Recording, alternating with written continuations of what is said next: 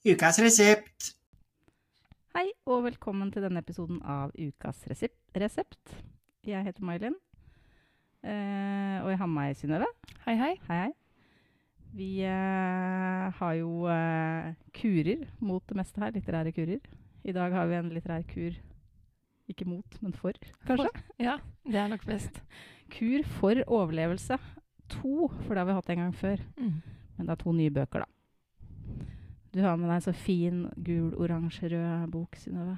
Ja, den heter Marsboeren Ja. og er skrevet av Andy Weir.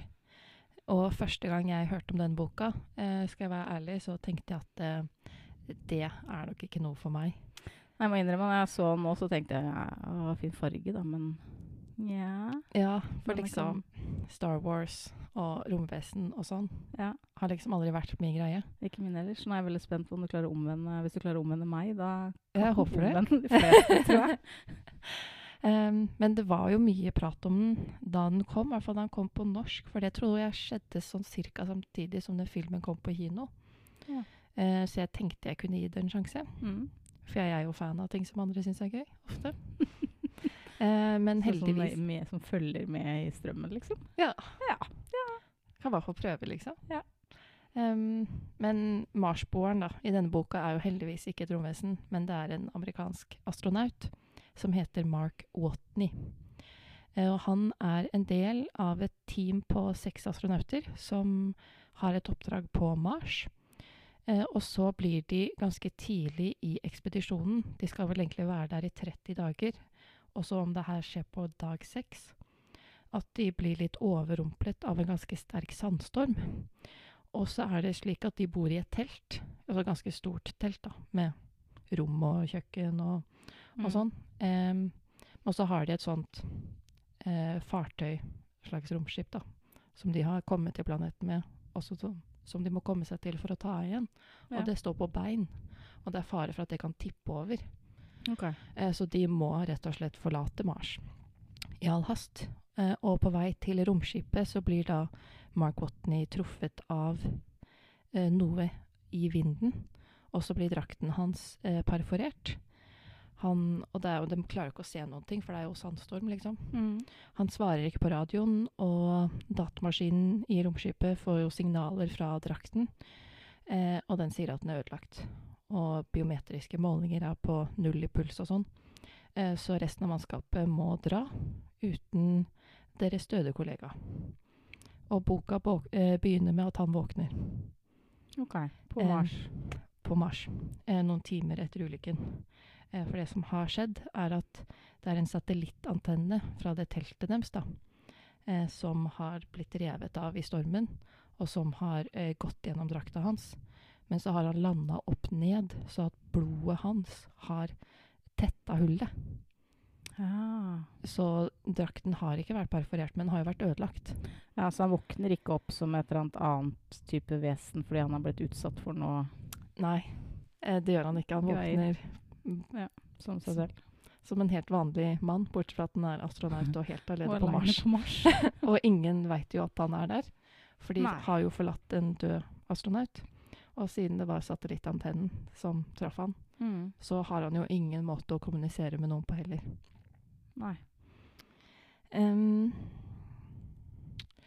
han går jo da inn i teltet og er der, Um, og prøver jo å fortsette Og sånn summer seg jo litt, da.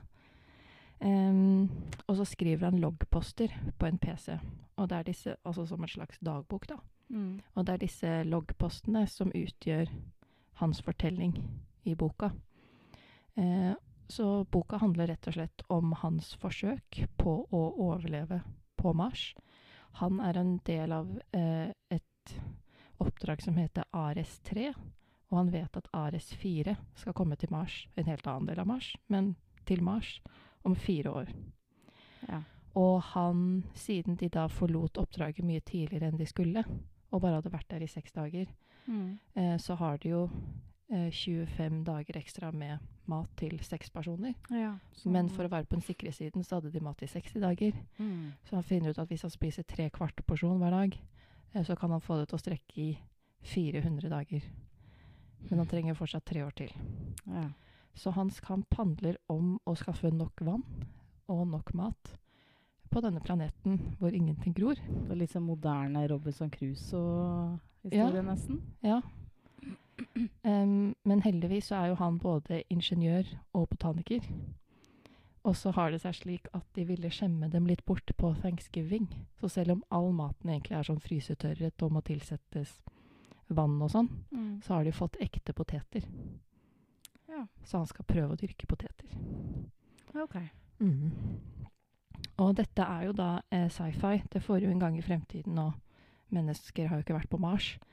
Eh, men forfatteren Jeg leste en gang at forfatteren sa at selv om boka bruker teknologi som ikke finnes nå, eh, så skal det være vitenskapelig og teoretisk mulig. Det er bare at vi har ikke laget teknologien ennå. Vi har ikke kommet så langt i utviklingen, da. Så det skal liksom være realistisk sci-fi, da, hvis det Mm. gjør noe mening. Ja. Og så er boka oversatt av Morten Hansen med assistanse fra Erik Knut. Eh, så det tekniske skal i hvert fall Være i orden. Ja. mm. Og så høres det jo like mye ut som sånn en manns kamp for å overleve og, og liksom. Mm. Og sikkert mm, foregår sikkert mye i hans uh, Ja. indre, vil jeg tro. Veldig mye. Ja. Opp- og nedturer og mm. Og så ble det da, eh, som nevnt, laget en film basert på denne boka. Eh, men jeg må si at jeg syns at boka er ganske mye bedre. For at i filmen så Jeg synes jo ofte at det er liksom de små tingene, også hans personlighet og hans karakter, og de, ja, de små Mm. øyeblikkene da, som liksom gjør en historie spesiell. Ja. Mens i filmen så har de jo bare tatt med høydepunktene. ja, for når du begynte å snakke, så tenkte jeg åh, dette høres ut som en film man har sett før. Ja, det er liksom det. Eh, Ja, sånn ja, verden går under, eller altså mm. Ja, sånn type Jeg har, ikke, jeg har ikke sett filmen, eller altså. Nei, men ja, det å skrive om noen som er mutters putters aleine, det har jo blitt gjort før. Ja. Men den er litt, eh, litt spesiell, da. Jeg syns han Ja, han han er ganske morsom. Og han um, Det var vel en av grunnene til at han ble valgt ut til å være en del av det teamet.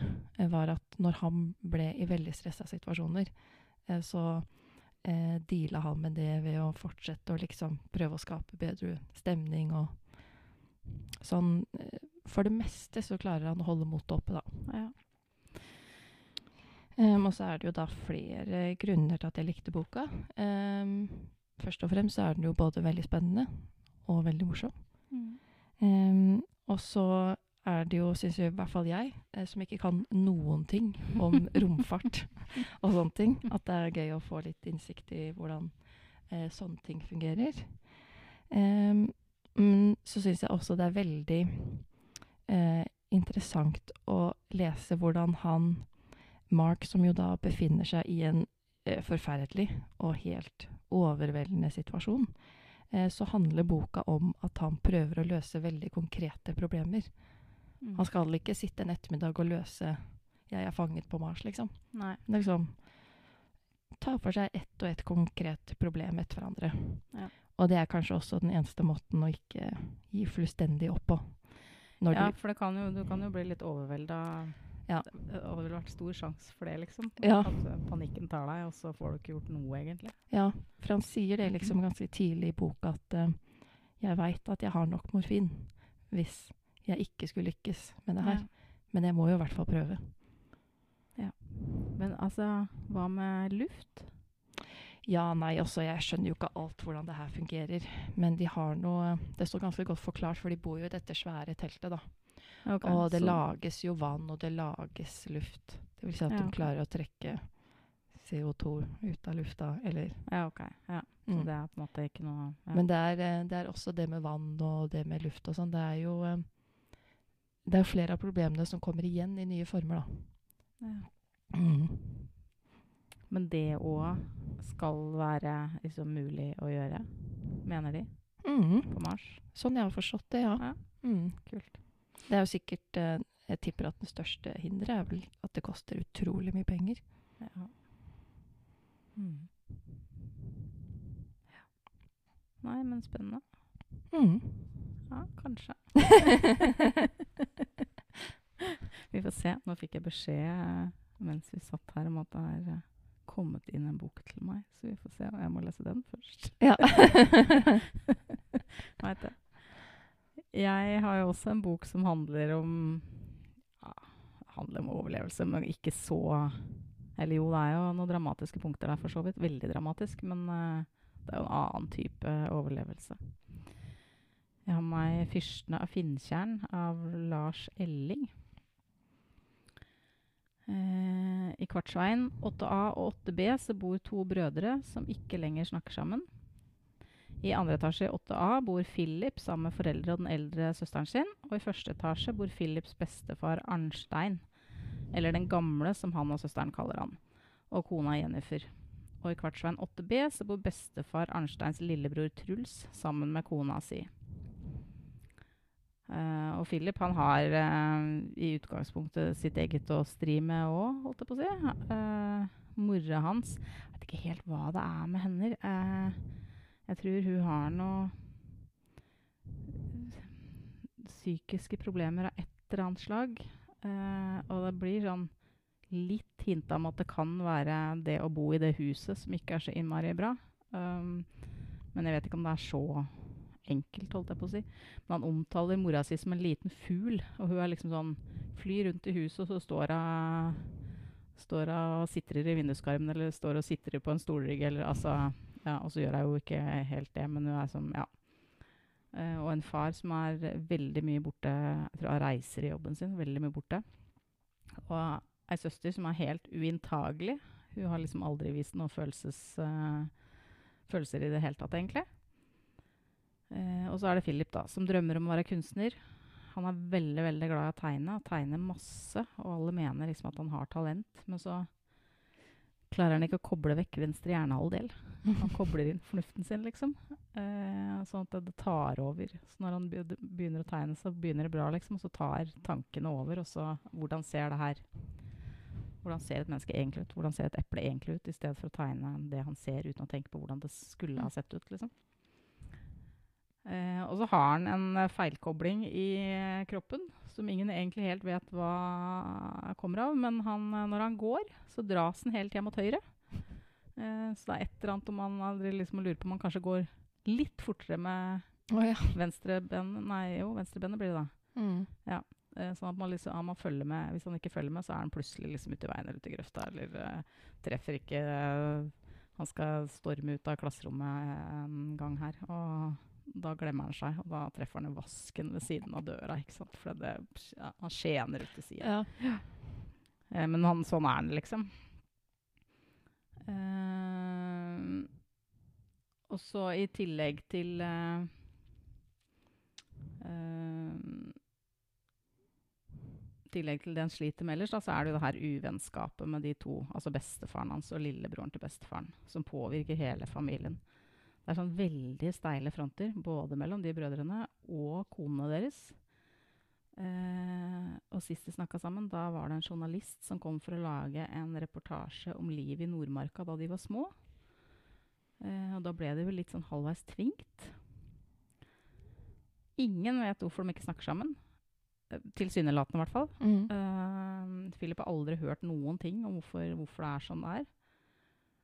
Eh, men det er liksom sånn Ganske tidlig i boka så er det en sånn scene med For det står et epletre i da Kvartsveien 8B, der eh, lillebroren til da bestefaren bor. Eh, og det epletreet det står ganske nærme eh, gjerdet, men det beskjæres da på 8B-siden. Men på 8A-siden, så er- for på den sida vokser det da ut en grein som da ikke lillebror kan klippe, fordi det er jo ikke på hans eiendom. Eh, og der er det da forbud mot å spise eplene. Jeg tror de sniker seg litt til det likevel, men eh, de skal egentlig ikke spise de eplene. De skal dette ned. Og når alle har falt ned, da tar da bestemor Jennifer og raker alle de her eplene under gjerdet til naboeiendommen. Eh, og så går det en dag eller to eller tre, eller sånn, så tar da kona til lillebror Truls og raker det tilbake. og sånn driver de på og står liksom beskrevet. Det her blir jo mer og mer grøtete. ikke sant? Mm. Råtne epler. Og, og til slutt så kommer det et regnskyll som, som vasker vekk alt, og da er det liksom slutt for i år. Og sånn har de da drevet på i år etter år etter år etter år. Eh, og ingen veit hvorfor. Men får man vite det i løpet av boka? Ja, Man får det. Eh, eh, og det. Det er jo en historie bak, liksom. Um, men uh, bestefar, da, bestefar Arnstein, han uh, som de kaller den gamle, han er litt sånn skummel, og Philip han liker han ikke. Men så får han beskjed da av bestemora si om at han skal gå ned til bestefaren med en brødskive med leverpostei. Tror jeg det er. Og så begynner han, ja, for han bestefaren han er så sur og grinete. er sånn Lite koselig gammel mann, liksom. Og han er sjuk. Han har jobba med noe han har jobba med? Noe steingreier eller et. Han har i hvert fall noen sånn veldig lungegreier, så han er jo det hoster opp slim, og det er liksom surkler, og det er som ja, Han får ikke puste, og han er som Alle veit at er, synger på siste verset. Og så er han jo sur fortsatt, men han begynner å fortelle Philip om barndommen sin. Um, og kanskje er det et sånn ønske om at noen skal kjenne til historien før han dør. Jeg vet ikke. At det er litt tilfeldig at det er Philip. Eller litt mer ufarlig, kanskje, at det er Philip. Og han forteller da om faren dems igjen, altså oldefaren til uh, Philip, da. Som uh, ungene bare kalte keiseren. Han var tysk. Og mora Motti, som jeg også da regner med at var tysk. Eh, og de hadde en storebror som de bare kalte for Totem. Eh, som ingen kunne si hva feilte. Men han var ikke som alle andre. Og jeg tenker at sånn Ja, om han hadde vet ikke, En eller annen psykisk utviklingshemming, tenker jeg. Mm. Han hadde. Uh, han klarte Han hadde ikke noe særlig språk. Uh, han het Nå husker jeg ikke hva han het. da, Tor et eller annet. Men han klarte ikke å si navnet sitt sjøl. Han sa Totem. Mm. Så han ble hetende det. Og det passa egentlig, for han var en sånn stor type som, uh, med lite følelses... ja, lite følelser, liksom. Veldig sånn lite mimikk og ansiktsuttrykk. Og stillesittende og stillestående. Uh, veldig sånn passiv type. Faren til da Arnstein og Truls, altså de her bestefaren og lillebroren, han var ekstremt opptatt av naturen og det å kunne klare seg på egen hånd. Eh, og fra gutta var helt små, så fikk de forelesninger om blomster, sopp, fugler og alt han mente ville bli nyttig kunnskap en dag. Eh, og de måtte pugge latinske navn, og det var altså de ja, kunne mye til å være små. Og fra de er sju og elleve, tror jeg han lillebroren han i hvert fall var i tannfellinga. Sånn, og da er det vel sånn omtrent skolestarter, da. Mm. Så blir de sendt til Nordmarka alene på sommeren med en sovepose, dobbelt sovepose, eh, kart og kompass, en presenning til å liksom ha over seg. Eh, og så hadde de vel med noe fiskeutstyr og litt mat, sånn startmat, noe smør og litt sånn greier. Eh, og masse kunnskap da, innabords. Vær så god, nå kan dere være ute noen uker. Det står ikke helt hvor lenge de er ute om gangen, men eh, i hvert fall på slutten der så er det liksom, skal de ut og da er det 14 dager igjen av sommerferien. Oi. Så de er ute i, ja, så ute i ukevis, liksom. Og klarer seg da på egen hånd, da. Ja. Og det går jo strålende. og jeg tenkte å herregud, det er barnevernsgreier. Mm. Og det er det for så vidt, da. Men eh, de har det jo helt fantastisk. De elsker den friheten. Uh, de tar ansvar, ordner mat. Tjener penger på de merkeligste ting. Det er alt fra å plukke blomster uh, ute i marka med røtter og sånn, for det har de lært seg. Uh, og drar på, inn på et eller annet marked og selger, liksom, som folk uh, kan ha. Og de er små og sjarmerende, ikke sant. Mm.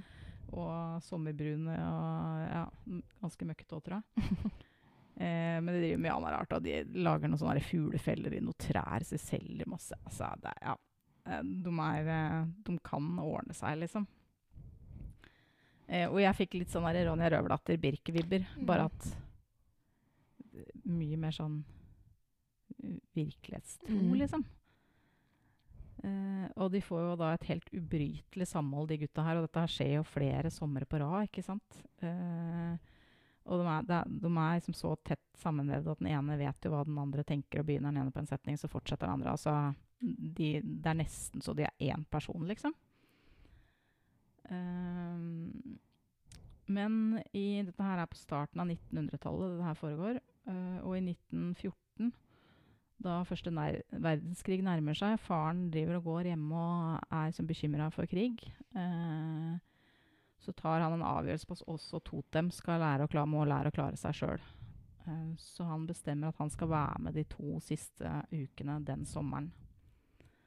Uh, og det forandrer jo alt. Mm. Ja. Og jeg skal ikke si noe om hva som eh, skjer, liksom. Men eh, den sommeren, altså det er jo den sommeren som er utslagsgivende for eh, resten av livet, rett og slett. Uh, historien veksler mellom nåtid, med Philips historie, hvordan han har det, eh, og de her stundene med han og den gamle, da. Hvor eh, den gamle forteller om guttedagene.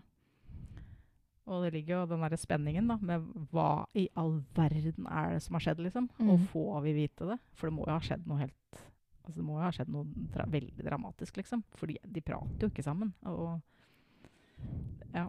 Og konene prater jo heller ikke sammen, mm. så det er ingen som prøver å det er ingen som har prøvd å få dem eh, sammen igjen, liksom. Og så følte jeg som Philip var et slags bindeledd mellom fortid og nåtid. At han ble en start på liksom helingsprosessen mellom de to familiene. Eh, for det viste seg jo at Totem hadde jo også en så skeiv gange, blant annet. Sånn at eh, det har liksom kommet tilbake i Philip. Eh, kanskje, ja, kanskje bestefaren har sett det, f.eks. Uh, og det var liksom så levende at når det slutta, så har jeg liksom Jeg har tenkt hvordan det fortsetter å gå, på en måte. Akkurat som det skulle vært en ordentlig familie. Ja. Og det er ikke som regel så Når boka er slutt, så Ja, det kan være synd, altså, hvis det er Mm. god bok, men uh, nå har jeg liksom Jeg har lagd min egen fortsettelse, liksom. uh, og så forfatteren Lars Elling er jo egentlig billedkunstner. Uh, og det bærer jo boka veldig preg av. Det er veldig mye sånn naturskildringer og eh, og, viser liksom at, ja, at han kanskje er vant til å tenke mer i bilder da, enn Mm. i ord, sånn i utgangspunktet. Eh, og før jeg leste den, før jeg hadde hørt noen anmeldelser, og sånn, så tenkte jeg at ja, det kan jo gå begge veier. Noen ganger så må, bør folk liksom holde seg til det de driver med, kanskje. Eh, men eh, han kan gjerne skrive flere bøker. Og det her er så vidt jeg vet, i hvert fall debutboka for voksne. Jeg har hørt at han har vært involvert i noe illustrering av noen bøker. Men jeg tror, ikke han har, jeg tror det er debutboka som forfatter. Og han var ja, født på en midten av 60-tallet, begynnelsen av 60-tallet. Så det er ganske sein debut òg. Ja. Så jeg tenkte at det er håp for alle, Mm. faktisk. Um, men det her er skikkelig, skikkelig sånn vakker bok.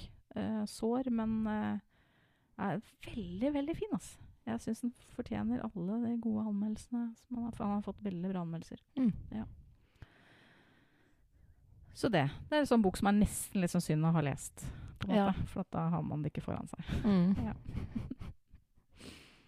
Så en uh, overlevelse i to litt forskjellige former, da. Ja. En sånn ja, litt mer eh, surrealistisk eh, Mm. Jeg tror ikke jeg noen gang kommer til å måtte overleve alene på Mars. Hvertfall. Kanskje Nei. ikke i Nordmarka heller, for så vidt. Nei, da skal det ha skik gått skikkelig gærent. ja. Men boka di, kan du si en gang til hva den heter, eller? Den heter 'Marsboeren' og er skrevet av Andy Weir. Og jeg hadde med meg 'Fyrstene av Finntjern' av Lars Elling. Tusen takk, Synnøve. Tusen takk for meg. Ha det bra!